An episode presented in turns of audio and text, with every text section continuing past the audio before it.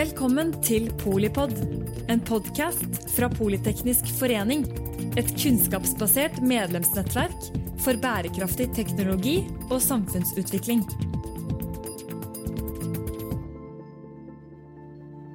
Velkommen til full sirkel av Polipod. Dette er podkasten som gir overblikk og dypdykk i tema innen sirkulærøkonomi for både mannen i gaten og den mer erfarne bransjeeksperten. Vi har lovet å belyse sirkulærøkonomien fra ulike innfallsvinkler, og vil gi deg som hører på, gode eksempler og tema som engasjerer. Og gjennom høsten har vi vært innom disruptive forretningsmodeller, behov for systemendring, økonomiske rammebetingelser og sirkulær karbonøkonomi. Så dagens episode blir rett og slett en liten oppsummering av året, og kanskje noen sirkulære juleønsker fra panelet og dagens gjest, som ganske sikkert kan regnes å være en av Norges fremste kunnskapspersoner på sirkulær økonomi. I dag har vi nemlig besøk av Anders Magnus Løken, direktør i Deloitte, sivilingeniør og forfatter av kunnskapsgrunnlaget for den nasjonale strategien for sirkulær økonomi, sammen med Karoline Haga Persson. Velkommen så mye, Anders. Ryktet tilsier at du er tidligere kollega av vår kjære generalsekretær Mette, og at du er like ivrig på topptur som samtlige av oss i panelet. Så det lover jo veldig bra for en god samtale i dag. Og før vi dykker inn i, i, i, hodet ditt, rett og slett, så spør jeg litt mer om, eh, den, eh, om kunnskapsgrunnlaget. Så jeg tenkte bare å ta en liten eh, check-in rundt bordet, siden det er en stund siden lytterne så har jeg hørt fra, fra, panelet. Thomas, hvordan er det med deg? Er det noe du har lært eller vil dele siden sist vi snakket sammen i høst? Uh, hei. Det, det, er jo Vi lærer jo heldigvis ting hver dag. Men for det første da, så, så, må jeg jo si at eh, det er noen ganger eh, deilig å ha litt rett. Uh, og dette, dette, utspillet fra regjeringen la jo bare vente på seg, og jeg har vel kanskje vært litt negativ i min omtale av det. Så jeg føler at jeg fikk en sjekk på det, selv om det egentlig er på en negativ måte. Men er det noe jeg har lært siden sist? Altså jeg syns jo det skjer ekstremt mye på Eh, børsfronten, det fascineres jeg litt av. Det, det hagler med selskaper på vei til børs. Uh, og så, og så syns jeg ikke at det er uh, veldig substans, rett og slett, i alt som er på vei dit. Så, så, jeg er spent på hvordan dette går videre. Om investorene klarer å skille kvalitet fra si, litt mer hule greier. Eh, jeg er litt redd for at eh, det fører til et, eh, et grønt mageplask. Som potensielt kan, kan, være negativt, rett og slett, for den retningen vi alle, alle ønsker. Men, men, la oss ikke håpe det. Så jeg, jeg, jeg følger med spent i hvert fall på det området her. Så bra. Brita, hvordan står det til med deg oppe i nord? Du har med deg en, en hårete venn i i studio i dag. ja, vi får håpe at han lager minst mulig rabalder eh, under bordet der han ligger. Eh, men eh, nei, eh, i nord så er jo alt eh, strålende. Vi har fått en nordområdemelding som lover grønn, gull og grønne skoger. Så vi er jo absolutt eh, vi er positive. Vi bare venter litt på action fra, ja, fra sittende regjering. Og jo, da kan vi jo tune inn med Thomas. Vi hadde jo forventninger i ulik grad, jeg og Thomas. Eh, så jeg har vel bare lært litt om eh, hvor flinke vi er til å utsette ting. Og ja, denne forvaltningskulturen versus ageringskulturen, eh, hvor Thomas kanskje taler for den siste. og så har jeg vel brukt litt tid i det siste på å tenke litt over denne covid-19-fatigen, hvor lenge den kommer til å sitte og hva vi kan vente. og hvordan den hindrer en del, både i forhold til sirkulærøkonomi, men også i forhold til liksom, den utviklingen vi egentlig så, og den farten vi så i forhold til klima- og bærekraftsomstilling. Da. Eh, så jeg er også veldig interessert i å tenke litt langsiktig på hva mer vi kan se av virkemidler. Og jeg tror vel kanskje det var der jeg også hadde litt sånn andre forhåpninger til denne strategien. Um, i forhold til det den kunne ha utløst da, uh, i forhold til action. Så nå, nå, blir det jo en mer sånn kanskje en læring i pluss kvam perfektum, hvor vi lurer på hva vi burde og skulle ha gjort. Um, mens vi fortsatt venter, da. Um, og, og, næringslivet går jo videre, selv om vi ikke får disse retningslinjene. Eller denne felles retningen. Så det, det, det har jeg tenkt å, å, grave litt i hodet til Anders Magnus om i dag, da. Ikke sant. Og Anders, eh, hvordan har eh, høsten eh, vært for deg? Har du kommet ut på andre siden av disse rapportene og, og kunnskapsgrunnlaget? Ja, hei alle sammen. Um, takk for at jeg får være her, først og fremst. Um, ja, høsten har vært veldig travel, og det skjer jo veldig mye innenfor dette området. Uh, så, så, vi og vi som har jobbet med det kunnskapsgrunnlaget for sirkulærøkonomi, har hatt mer enn nok å gjøre i høst. Um, og nå har jo rapportene egentlig ligget litt i, uh, i departementets hender i, siden vi leverte siste rapport i, uh, i, august. Så det er jo spennende, da. Vi, vi, sitter jo ikke på innsiden av departementet, så jeg vet jo ikke hva som skjer sånn i detalj videre, og hvordan denne strategien kommer til å se ut til slutt.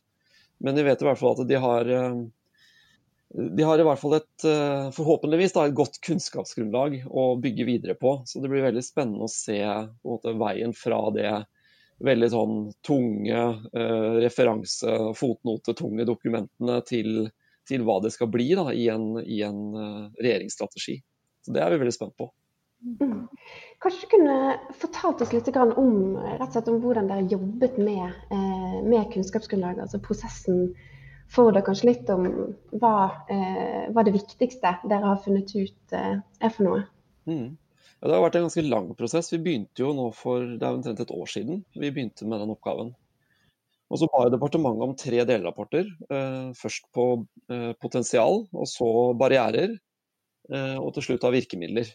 Så vi har levert tre delrapporter utover våren og siste i, i august. Så prosessen vært, var egentlig veldig mye på, på vårparten i fjor og samle informasjon og prøve å finne ut hvor står Norge i dag, hva finnes av forskning på området. Og så samle alt det som var tilgjengelig. Så hadde vi veldig mye intervjuer og høringsinnspill. Vi hadde bl.a. en stor samling eh, tre dager før Norge stengte ned. Det var den siste store eh, samlingen vi hadde. Uh, og så brukte vi veldig mye tid på det. Altså, da var det en, en slags sånn kreativ fase å prøve å finne ut av hva er det store potensialene og hvor ligger mulighetene i Norge for en mer sirkulær økonomi. Det var jo en, en morsom prosess og, og, krevende prosess.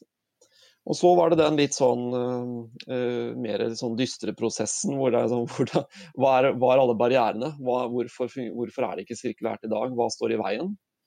Eh, hvor det var veldig mye fokus på problemer med regelverk, manglende markeder, eh, eh, ja, ulike insentivordninger osv. Og, og så var det jo da å være kreativ igjen og prøve å komme opp med virkemidler. Og mange av virkemidlene er jo basert på, på, ting som man vet funker fra andre steder, og som er ganske sånn selvsagte, men som likevel kanskje viser seg å være litt krevende å, å innføre. da.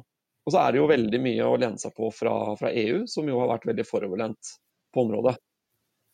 Så øh, ja, det har vært en, en veldig, uh, veldig fin prosess, veldig sånn in, involverende prosess med masse innspill uh, hele veien. Både skriftlige og muntlige. Som, så jeg opplever at vi har klart å balansere det ganske bra. Da. For det er jo en utfordring. Alle disse særinteressene.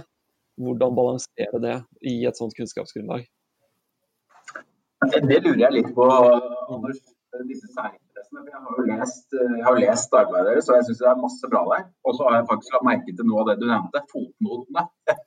eh, og det, Der er det jo tegn på at veldig mange har kommet med ønsker og innspill. Så er det liksom, hvordan, hvordan klarte dere å håndtere det? Er det en fare for at dette liksom blir eh, felles minste multiplum, eller, eh, eller klarte dere å se gjennom det? Og klarer regjeringen å se gjennom det? Det er et godt spørsmål, Thomas. Jo, vi kan jo ikke garantere 100% at vi har lykkes med det hele veien. Eh, det, det, klarer man aldri. Men vi har i hvert fall fulgt en metode hvor vi har forsøkt å gruppere og balansere innspillene og holde det opp mot forskning. Det er litt sånn som når man, når man reviderer. Man liksom har flere bevis som viser mot det samme, og, og på en måte ha et godt, eh, solid grunnlag. Så vi har prøvd å være veldig sånn metodisk eh, i det. Eh, og Eh, tror nok at vi har klart å balansere det relativt bra. Eh, og så er det jo selvfølgelig noen særinteresser som, som stemmer ganske godt overens med forskning. Da. Og da kommer jo de litt sånn tydelig frem. Eh, og så kan det se ut som her er en særinteresse som har fått kanskje litt forrang, men da skal det i utgangspunktet være basert på at der er det en backing i, i annet materiale. Da. Men, men klart, det er, ikke, det er, ikke, lett. Og med så mange innspill, det å, å balansere det, det er krevende. Men, men også til spørsmålet om det med regjeringen, hva de gjør med det. det er jo en de har jo en mer krevende jobb enn det vi hadde, for vi skulle jo bare sammenstille eksisterende kunnskap. Og, og de skal jo nå få igjennom noe som måte, det blir en forankring og en backing for, og som det går an å jobbe videre med eh, blant alle aktørene. Da. Og da kommer jo den der felles multiplummen inn, tenker jeg. Eh, det blir interessant hvordan man skal, skal løse det. Um, hvilke sektorer er det som utmerker seg med stort potensial? Det, det var jo litt sånn delt inn i, i forskjellige sektorer med potensial, eh, denne, dette kunnskapsgrunnlaget. Mm. Hvor, eh, hvor, er det mest håp? Ja, Det er også et godt spørsmål. Og vi, vi, prøvde å, vi grupperte først og lagde en del sektorer. Så vi tok utgangspunkt i eh, SSBs næringsstatistikk da, for å se litt på størrelser. Og, og klart de, tjenest, altså de, sektorene som er rent tjenesteytende og bruker veldig lite materialer, de, uh, de fikk jo naturlig nok ikke så stor oppmerksomhet. Men det er de, gjerne de ressursintensive sektorene da, som også har en viktig rolle i økonomien. Så Det er både de som har skårer høyt på typiske sirkulære økonomiindikatorer, sånn eh, ressursintensiv materialbruk osv., og, så og at de har en viktig rolle i økonomien med høy sysselsetting og høy verdiskaping. Så Ut av de sektorene da, så fant vi at det var eh, dette som går på bioøkonomien, landbruk, havbruk, eh, fiskeri, er en viktig sektor. Og så er det prosessindustrien, Eh, som er viktig med noe ganske energikrevende og, og høy verdiskapning. Eh, og så er det bygg og anlegg, som jo står for eh, veldig mye avfallet i Norge. Det er vel en fjerdedel omtrent av alt avfallet som produseres. Så det er klart at der er det potensial. Og så er det varehandelen, som er egentlig en veldig stor bredde, men det er jo der alle forbrukerne møter, møter næringslivet, kan man si, i de, i de valgene de tar av å kjøpe produkter. Så varehandelen har en, en viktig rolle som en kravstiller og, eh, overfor de eh, eh si, leverandørene de har igjen. Mm. Så er det jo Med de fire på, på, på si, høyest prioritet, da, så, så, har jeg ikke sagt at de andre industriene ikke er viktig. Eh, sånn som avfallsbransjen er jo en helt sentral muliggjører. Om de på en måte ikke har sånn iboende høy sirkularitetspotensial i seg selv, så er det jo på en måte de som legger til rette for uh, at det kan bli mer sirkulært i veldig mange andre bransjer. Så klart De også er veldig sentrale. Ja, i, i, forhold til det så er det jo også en del sånn, kanskje noen tverrliggende muliggjørere. Og, og, alt det vi har sett i forhold til Denne podkasten har jo hoppet litt innom forskjellige uh, industrielle symbioser og muligheter for å på en måte kjøre de prosessene over. Så, mm. så der òg er det kanskje, kanskje faktorer som vi, vi, må begynne å tenke på hva vi kan gjøre på et mm. nordisk nivå også. Men, men, med tanke på det så popper det bare inn et spørsmål. fordi Når dere sitter med, denne, med dette kunnskapsgrunnlaget, hvor mye så dere på det som bevegde seg i EU som liksom, føringer inn i den norske prosessen? Hvordan rolle fikk det spille? Ja, det hadde, slags, ehm, det hadde en rolle som et slags sånn bakteppe. og det er jo mye der som også er på tegnebrettet, som ikke er vedtatt. Og så er det en del som er det, og så er det jo en del som da skal omsettes i norske former. Men klart de overordnede ambisjonene og målene som EU har satt seg, har vi i stor grad lagt til grunn. Eh, sånn at dette med som er veldig sånn, tydelige ambisjoner, er jo dette med økt gjenvinningsgrad, som gjelder for, for, hele EU. er jo på en måte, si, et bakteppe og en drivende faktor da, for å for å si noe om på en måte hvilket nivå av sirkularitet må man være på for at det skal være godt nok. Og det er klart det er ganske krevende. Vi må et langt stykke fra der vi er i dag for å, for å komme dit EU ønsker, i hvert fall. Så, så det har vært et veldig viktig bakteppe, og det ligger veldig mye god uh, kunnskap i de studiene som er gjort av EU. Det er mye bra arbeid som ligger der, og man må virkelig si at uh, det de har fått til på, på EU-nivå, det er vi ganske imponert over. Det er ganske langt fremme i skoa på, det jobben der, altså.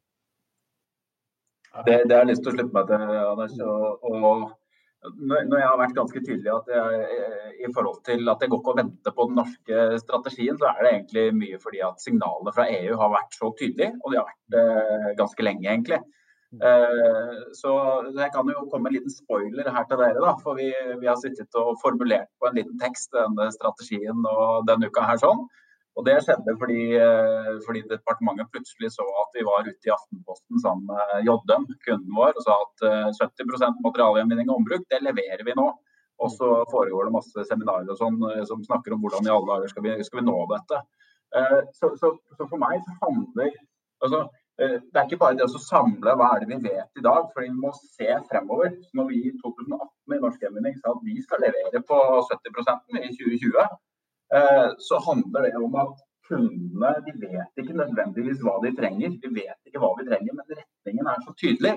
Eh, så, så liksom det er rettesnoren vår. Da. Så jeg håper at regjeringen ikke på en måte fokuserer på å samle det vi vet i dag. og og på en måte kun se på det. Da, for vi må være litt visjonære her. sånn.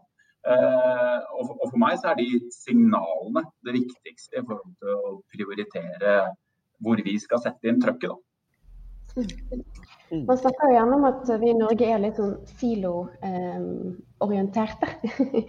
eh, og det kan jo kanskje være en, en måte, innvending mot det å ha liksom, veldig fokus på, på sektorer, er jo at sirkulærøkonomi fordrer jo en, en, en, systemtankegang. og Det er jo noe de eh, ja, jeg også syns de har lykkes med eh, i EU. At dette er på en måte en overgripende eh, utvikling. Så hva tenker du der? Altså, er Norge klar for, eh, for en sånn type sirkulær eh, omstilling på, på, systemisk nivå? Det er et godt spørsmål. Eh, og vi, vi hadde vi startet jo ut veldig sånn silo uh, etter bestillingen, hvor uh, hvilke næringer har størst potensial. Uh, og, men det var også et spørsmål der om hvilke samarbeid mellom næringer har størst potensial. Så den første rapporten vil dere se er veldig sånn næringsfokusert. Og, mens de to andre som går på barrierer og virkemidler, de er tverrgående. Og det så vi ganske kjapt, at her er det veldig mange fellestrekk. og veldig mange av de samme utfordringene. Sånn at ja, de, vi har, jeg er helt enig med deg, det krever en systemendring på, på tvers av næringer. Eh, og veldig mange av virkemidlene som ligger der, som vi anbefalte også, er på tvers av næringer. F.eks. det å skape markeder ved å bruke regelverk og eh, f.eks. skattesystemet til å vri man kan vri skattetrykket mer bort fra, fra, varer og tjenester og over på materialbruk og produkter. Eh, det er et, et grep som, som, kan favne hele økonomien. Uh, andre ting er jo sånn som uh, det å ha innblandingskrav f.eks. Uh, i, i regelverk til sekundære råvarer, som kan gjelde på tvers av alle sektorer. Så uh, absolutt, det er, det er helt Jeg tror det er viktig at denne strategien som kommer, klarer å ta inn over seg det.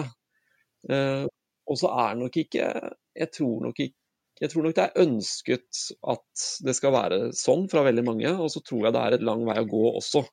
For når vi ser på de enkelt, altså de sektorveikartene, det lages jo mange sånne veikart og roadmaps for, for, de ulike næringene, så er de laget for næringene. Og man har en veldig forståelse for sin næring og hvor man er i dag, og hvilke behov sin næring har.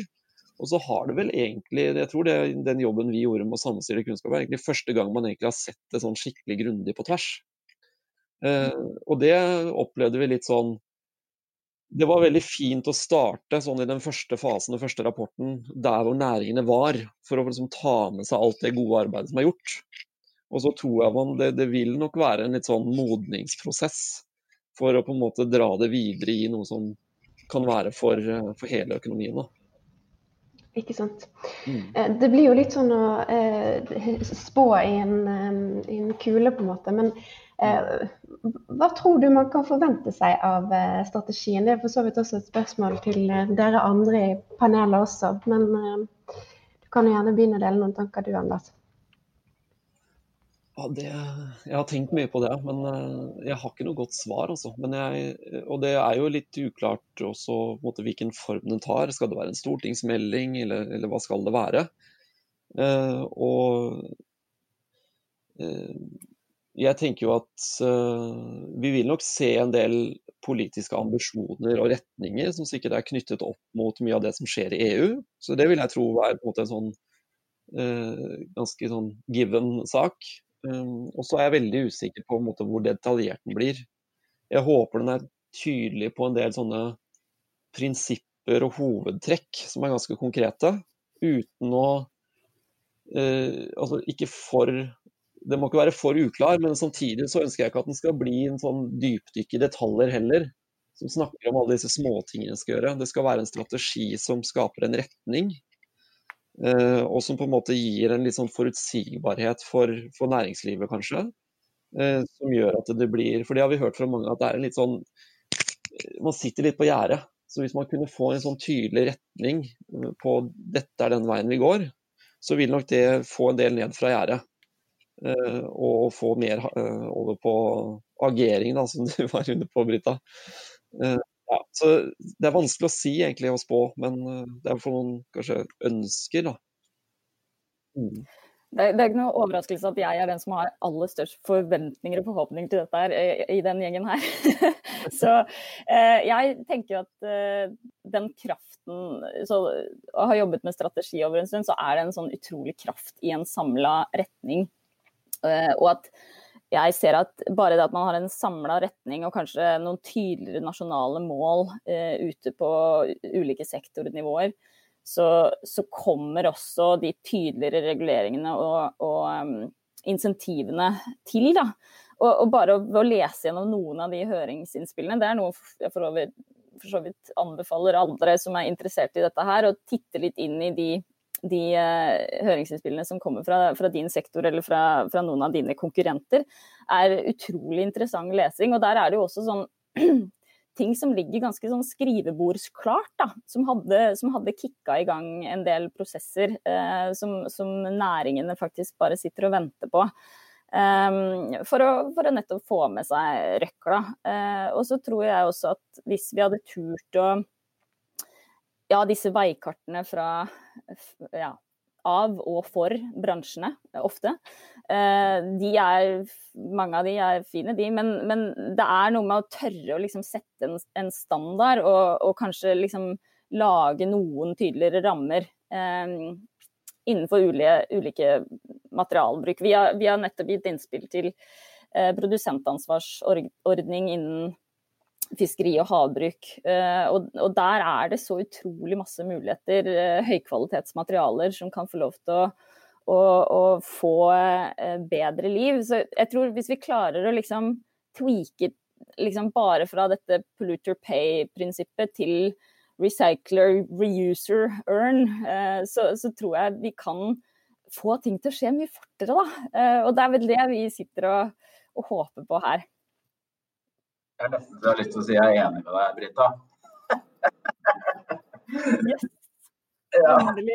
Nei, men ikke sant. Jeg tenker det siste du er inne på. Altså, jeg, har, jeg har to ønsker jeg, for den uh, strategien. I hvert fall uh, to, to uh, på topp. Og Det første er liksom, hvordan øker vi etterspørselen etter resirkulerte råvarer og ombrukte råvarer. Du var inne på det, Anders. Og, og, det med kall det innblandingspåbud, eller hva det måtte, måtte være. altså Sett en stake i bakken om eh, fem år så skal de treplatene inneholde 25 resirkulert eh, avfallsbasert trevirke. Så Sånne typer krav vil være innovasjonsdrivende og det vil sette retning. Og det viktigste for å akselerere overgangen til mer sirkulær materialbruk, er å få det inn i nye produkter igjen. Det er, liksom, det er nummer én. Nummer to for meg, det er den kjedelige, detaljerte. Det er å fjerne tullete barrierer i regelverket som forhindrer det vi egentlig snakker om alle sammen at vi ønsker. Og Det er sånn skikkelig kjedelige ting, men som vi opplever daglig at det er det mest innovasjonshemmende. Og Det er f.eks. Eh, innfør et deponiforbud for gips. da. Nå finnes det, finnes det løsninger som eh, gjenvinner dette. Vi passerte 100 000 tonn eh, gjenvunnet på to år her, her på tirsdag. Eh, men halvparten av gipsen deponeres fortsatt. Og jeg ser nå KLD, eller Miljødirektoratet, har hatt et oppdrag ute i høst hvor de skal utrede dette. Og det er så mye frem og tilbake osv. Jeg har lyst til å se modighet i den eh, strategien her. Bare si deponer gips, slutt med det i 2023. Så sånne type tiltak som er helt åpenbare, men som krever litt modighet. da. Og så kommer det å gjøre vondt for de som eier et deponi f.eks.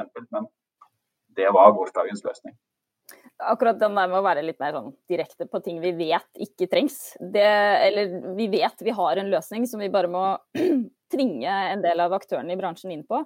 det kunne vi jo gjort på flere ting. Eh, det er en del eh, plast, og, og kanskje spesielt isopor for de av oss som jobber med plast på, på, som havner på feil sted, som, som, rett og slett Det fins bedre løsninger. Eh, og det billigste alternativet, at det fortsatt får lov til å bli solgt, det er helt hårreisende.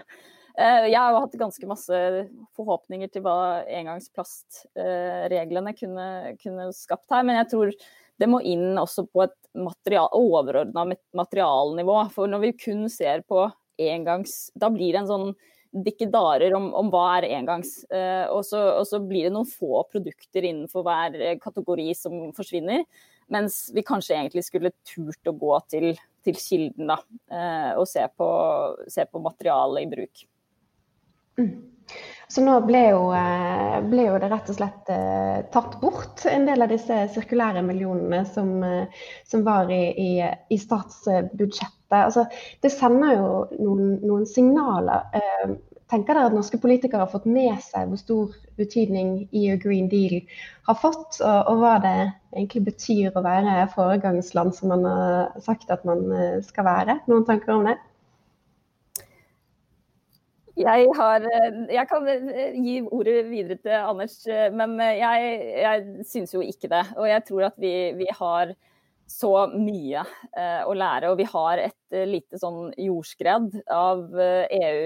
Altså, hvis vi Pål Frisvold sammenligner EU med en skilpadde. Hvis man ser bort, så ser man ikke at den Eller hvis man ser på den, så ser man ikke at den beveger seg, men hvis man ser bort, så har den plutselig flyttet seg ganske mye. Og, og der Jeg tror vi driver og ser bort ganske lenge. Og, og bare det her med, med det som nå kommer gjennom helheten av Green Deal det, det, tror jeg ikke vi henger helt med på, altså. Uh, så jeg gleder meg til, til, vi får en sånn liten oppvåkningsprosess. Det blir de nye 20 årene som kommer nå etter eh, pandemien, hvor alle plutselig får det travelt med å følge litt mer med. Ja, jeg er helt enig. Jeg tror dette er Og det er jo et, en massiv mengde materiale å forstå og holde oversikt over. Og, og, og vi, vi, til og med som jobber med dette til daglig, har en utfordring med å henge med på, på alt som skjer. Eh, og det er, jeg lagde en sånn oversikt over alle disse regelverkene som kommer som følge av Green Deal. Altså alt dette med, som kommer fra EU. Og, og det kommer jo ting på løpende bånd, og det har gjort det i flere år. Og det kommer, det er sånn store ting og små ting. Eh, og veldig, veldig mange av disse påvirker Norge. Så det er så mange ting å ta inn over seg. At det er eh, Og jeg, jeg, tror at eh, Jeg tror at det er Det kommer til å få en mye større betydning enn det folk og kanskje politikere har forstått. Fordi eh, og det peker EU på også, at det peker faktisk på, på Norge og de som er tunge innenfor sånn som olje og gass. da, de har en spesiell risiko for å sitte igjen med det de kaller for stranded assets. Altså det som er tunge investeringer i i eh, eh, si, infrastruktur og kunnskap, ikke minst, som, som i måte, den nye grønne økonomien en del år frem i tid vil ha en mindre eller kanskje ingen verdi. Så det at vi har en sånn lock-in veldig tungt med veldig mye av vår si, kunnskapsbase da, inn mot olje og gass, det er en risiko hvis ikke vi agerer, men det er også en kjempemulighet hvis vi gjør det. Så det å starte den omstillingen eh, tidlig, og virkelig få til virkemidler for å få, altså for å få det skiftet til å skje, det tror jeg er helt avgjørende. For Ellers så havner vi i bakleksa, fordi det skjer så vanvittig mye nå i EU eh, at det er veldig lett å bli forbigått. Og da, da står vi i en dårlig posisjon. Så det er, det er litt sånn eh, skremmeskudd før jul her, men jeg tror at dette, har, dette er ganske viktig for, for Norge i årene som kommer. Hva tenker du eh, Thomas? Du var ikke så Du var ikke så glad for det her snus, snusavgiften, eh, så jeg. Nei, altså det er, det er, jo eh, først og fremst litt symbolsk når de, når de tar ti av de 40 millionene som har avsatt uh, sirkulære ambisjoner og gir til sponsing av billigere snus. Men, uh, men egentlig, altså, de, de, 40 millionene i det store bildet er jo ikke det som teller. Det er jo det er jo strategien og ambisjonene her. sånn. Og jeg, jeg, er jo, jeg, er jo, enig med dere det dere sier, og spesielt det punktet med stranded assets. som du tar opp, Anders, Det, det syns jeg er interessant, og kanskje ikke så mye snakket om. da. Men vi har jo skjønt i Norsk Gjenvinning at at vi er et litt annet type gjenvinningsselskap. Vi eier ikke forbrenningsanlegg f.eks. For det gjør de fleste europeiske gjenvinningsselskaper. Og det har plutselig, selv om det har vært et strategisk valg, så har det blitt en, en veldig farse for oss. Da. Vi har ikke noe stranded assets som vi skal eh, beskytte. I Norge så er det jo kommunene som eier de, stort sett. Eh, så, så der virker jo kanskje litt, litt motsatt. da. Så nei, altså det, det, skjer ting i EU, vi skal ta det innover oss. Og så har jeg sagt før her at regelverket er forrakla. Eh, og det, det, tror jeg fortsatt, fordi jeg opplever at veldig mange eh, aktører har virkelig tatt det inn over seg og ønsker, ønsker, at bærekraft skal gi dem konkurransekraft. Så den, den høsten her sånn, så har vi løpt fortere enn noen gang i forhold til å hjelpe kundene våre med å, med å rett og slett øke deres bærekraft og øke deres eh, konkurranseevne. Så det er, vil jeg si, har tatt et nytt nivå altså, nå, i, nå i høst. Eh, men så, så, må vi ha med oss alle. Da. Og da, da trenger vi politikere og, og, på en måte litt sånn felles rammeverk. Da. Mm. Det leder meg litt inn i, i, det siste avsluttende spørsmålet. Og det er jo liksom man har noen uh, sirkulære ønsker uh, for, det, for, det, nye året, rett og slett. Eh, Anders, du må gjerne begynne der du har vært inne på, på mye bra allerede. Sirkulære ønsker for det nye året, ja. du jobber jo dette, med dette til daglig. Så hva er noe av det mest spennende du, du møter i, i jobben din? Ja, det er, det er, ja, ikke sant. Og det er eh, det, Jeg har jo en del forventninger til den eh, ut, uh, endringen som kommer på produsentansvarsordningen. At den blir utvidet, og at den får en, uh, på en måte en fortettet en del huller. Så det, det, er et ønske jeg har. Det, det blir spennende å se hvordan den, den blir. og så, så, så, tenker jeg at den den interessen og den som du var inne på, Thomas, den der muligheten som næringslivet ser i at her, her ligger det noen muligheter. Uh, og, og det, det, har vi jo sett utover høsten. Det har jeg opplevd akkurat samme som deg, at det har skjedd veldig mye. Og vi får ganske mange forespørsler. Uh, og F.eks. så er dette initiativet på, på norsk sokkel med delingsøkonomi, som du har dette virtual inventory, delingsplattformen. Eh, det er jo et sånn, sånn eksempel som jeg gjerne som jeg ønsker meg å se flere av. Hvor man har en online sånn auksjonstjeneste hvor man deler overskuddsmaterialer. Og så kan man da låne materiell på tvers av operatørene, som ellers da er konkurrenter. Eh, og forespørre kritiske reservedeler osv. På den måten da, så har de klart å spare altså det, jeg tror det er flere hundre millioner kroner. De har spart bare på det, på å dele. Og Det er jo en sånn veldig fint eksempel tenker jeg, på hvordan man kan, ved å komme sammen, og Det krever jo at man også da har felles standarder ikke sant, til disse reservedelene osv. At man kan bruke de samme delene. Så den der samarbeidsviljen, eh, å få til ting på tvers, og det å se at her ligger det muligheter, ikke bare i det å måte, fremstå mer grønne, men det er faktisk et eh, det er god business. da. Så, så mer av det, det, det, tror jeg kommer òg, og det, det ønsker jeg meg mer av. Jeg kan tune inn her. Jeg er helt uh, enig med Anders. Uh, og, og, spesielt altså, hvis jeg har tre uh, ønsker for det nye året og for sirkulærøkonomien og til jul i det hele tatt, så er det nettopp det du, du er inne på nå, en helhet. Vi, vi, og der tror jeg også jeg savner litt en helhet mellom at vi ser en del av disse klimaomstillingstiltakene, stranded assets, at vi har en industri som Uh, marsjerer i ulike retninger. Um, og at vi også, altså Bare hvis man ser på insentivene som går ut til klimaomstilling og klimatilpasning versus det vi kunne fått til hvis vi hadde tenkt sirkularitet linket uh, i tydeligere grad inn i alt vi gjør, da.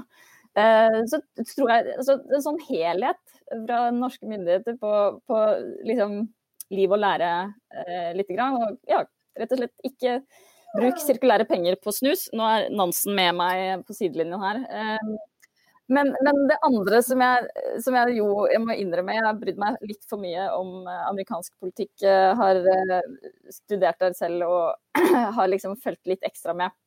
Eh, og det, det, andre ønsket mitt er jo da at liksom sirkulær økonomi Hvis vi løfter nesa litt fra nisselandet vårt, og at det liksom kommer på banen gjennom policy fra, fra Joe Biden sin administrasjon også, er jo noe som jeg tror liksom virkelig kan sette en giv, at vi virkelig får Vi har jo hatt World Circular Economic Forum fra Sitra eh, noen år nå, men at det faktisk blir verdensomspennende, og at vi får liksom, tanker som, som, stemmer inn her. Fordi det som Anders nevner f.eks. med standardisering, kommer ikke noen vei. Vi skal ha sånn standardisering i Norge. Vi må ha en standardisering som passer over hele linja. Um, og, og, litt inne på det, satt nå med en policy brief sammen med Vilma, eh, som jobber sammen med meg, og, og ser på liksom tilstanden i USA. Hvis vi tror at vi sliter med å få Norge til å, å, eh, fordele fraksjoner og sortere, eh, i, og at vi har ulike kommunale ordninger. Der er det snakk om 20 000 ulike kommunale ordninger. Eh, og, og, der er det alt fra ingen sortering til helt ulike regler eh, på, på statlig nivå. Så det at vi kunne liksom fått en verden som var litt mer inn i dette her. Ikke, ikke bare få USA inn i, i Parisavtalen igjen, for det, der, den vinden har vi allerede tatt, men også se at, at det blir en sånn giv eh, på dette eh, over der, på andre siden av Atlanteren. Eh, og det siste ønsket mitt er helt, helt uh, for min egen del, og det er bare at vi får litt mer snø. Altså, I Norsk Evening så er det jo sju år siden vi sa at vi skulle bli eh, et ledende selskap innen sirkeløkonomien faktisk, i Norden. Ordet fantes ikke engang. Men det betyr at jeg pleier å ha sirkulære pakkeønsker hvert år. Ja. Um, men i år så har jeg også tre ønsker, sånn som deg, Brita. Og uh, ganske konkrete. fordi det, det første jeg ønsker meg, er at flere jobber med løsninger. Og færre påpeker problemer og synger samstemt i det jeg vil kalle hylekor om hva alle andre burde gjøre. Eh, jeg syns det er for mange som har en agenda her, rett og slett, som ikke nødvendigvis bidrar til løsninger. Altså mer liksom, konkrete greier. Eh, og så litt i samme bane så ønsker jeg meg at ombruk eh, går fra å være en hype som det brukes mer tid på konferanser til å faktisk til, til, i forhold til hva det faktisk brukes tid på å jobbe med i praksis. da. Og jeg tror at For å få til det, så må mange jobbe annerledes. Og jeg tror også at det kanskje er en del andre som må jobbe med det, enn en, en del av de som bruker veldig mye airtime på å snakke om det. Så det var kanskje litt sånn negative ønsker, da. Men jeg har også et veldig positivt ønske. Eh, altså I Norsk Gjenvinning så er visjonen vår at det finnes ikke søppel mer. Og nå jammen den uken her så har styret vårt vedtatt en ganske kul ny misjon også. Og det, Den heter at Norsk Gjenvinning vi skal akselerere verdens overgang til en effektiv sirkulærøkonomi. Og verden, det nytt. Eh, så, så da, For å få til det, da, så trenger jeg flere flinke folk på laget, rett og slett. Så, så min julegave til interesserte lyttere det er å ta kontakt om de har lyst til å være på innovasjonsreisen i Norsk Gjenvinning. Så jeg, jeg er åpen for, uh, åpen for det. Så uh, det er bare å ta kontakt. Fantastiske nyheter, Thomas. Jeg liker at norsk gjenvinning leder an eh, i verdens eh, omstilling. Er, da, da, kan vi være stolte nordmenn alle sammen. Jeg er veldig enig i det ene juleønsket ditt der, Thomas. Eh, at eh, ombruk skal bli mer enn bare et eh, hype-ord. Og hvis jeg kan bare avslutte med, med ett juleønske, så er det også at det offentlige virkelig begynner å bruke sin innkjøpsmakt som innkjøper av varer og tjenester i markedet for mange milliarder årlig. Det syns jeg jo at Bærum kommune, det prosjektet de har med innovative anskaffelser nå, er jo et strålende eksempel på det. Der man bl.a. har utlyst en konkurranse for sirkulære emballasje i, i bygg. Eh, litt selvskryt eh, her nå, men den har vi faktisk vunnet, eh, den konkurransen i looping. Så jeg har danket ut både Sveko og Designit. Så det er håp for også liksom små utfordrere. Så det syns vi var, var veldig, veldig gøy. Så jeg vil også bare takke takke dere alle sammen. Anders, Thomas og, og, og, Brita. Jeg tror ikke vi rekker med for i dag, men det har jo vært en glede eh, denne høsten å dykke inn i forskjellige temaer innen sirkulærøkonomien med, med, dere. Og tusen takk til dagens gjest, eh, Anders Magnus eh, Løken fra, fra Deloitte. Eh, vi kommer tilbake eh, etter jul også. Vi gir oss ikke. Venter fremdeles på strategien og har masse eh, andre spennende temaer vi kommer til å, utforske. Så tusen takk til, til deg som lyttet også. Du finner denne og andre episoder av Full sirkel-serien under podkasten Polipod på både Spotify og Apple Podcast. Og ikke glem å følge Politeknisk forening for innsikt og inspirasjon om bærekraftig teknologi og samfunnsutvikling. Så det er bare å si riktig god jul. Takk for at du lyttet til Polipod fra Politeknisk forening. Få med deg flere episoder, eller bli med på nettverksmøtene som du finner på at polyteknisk.